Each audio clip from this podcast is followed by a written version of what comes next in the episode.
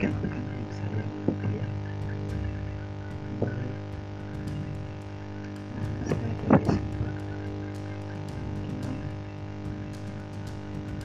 saya menjelaskan sedikit tentang saya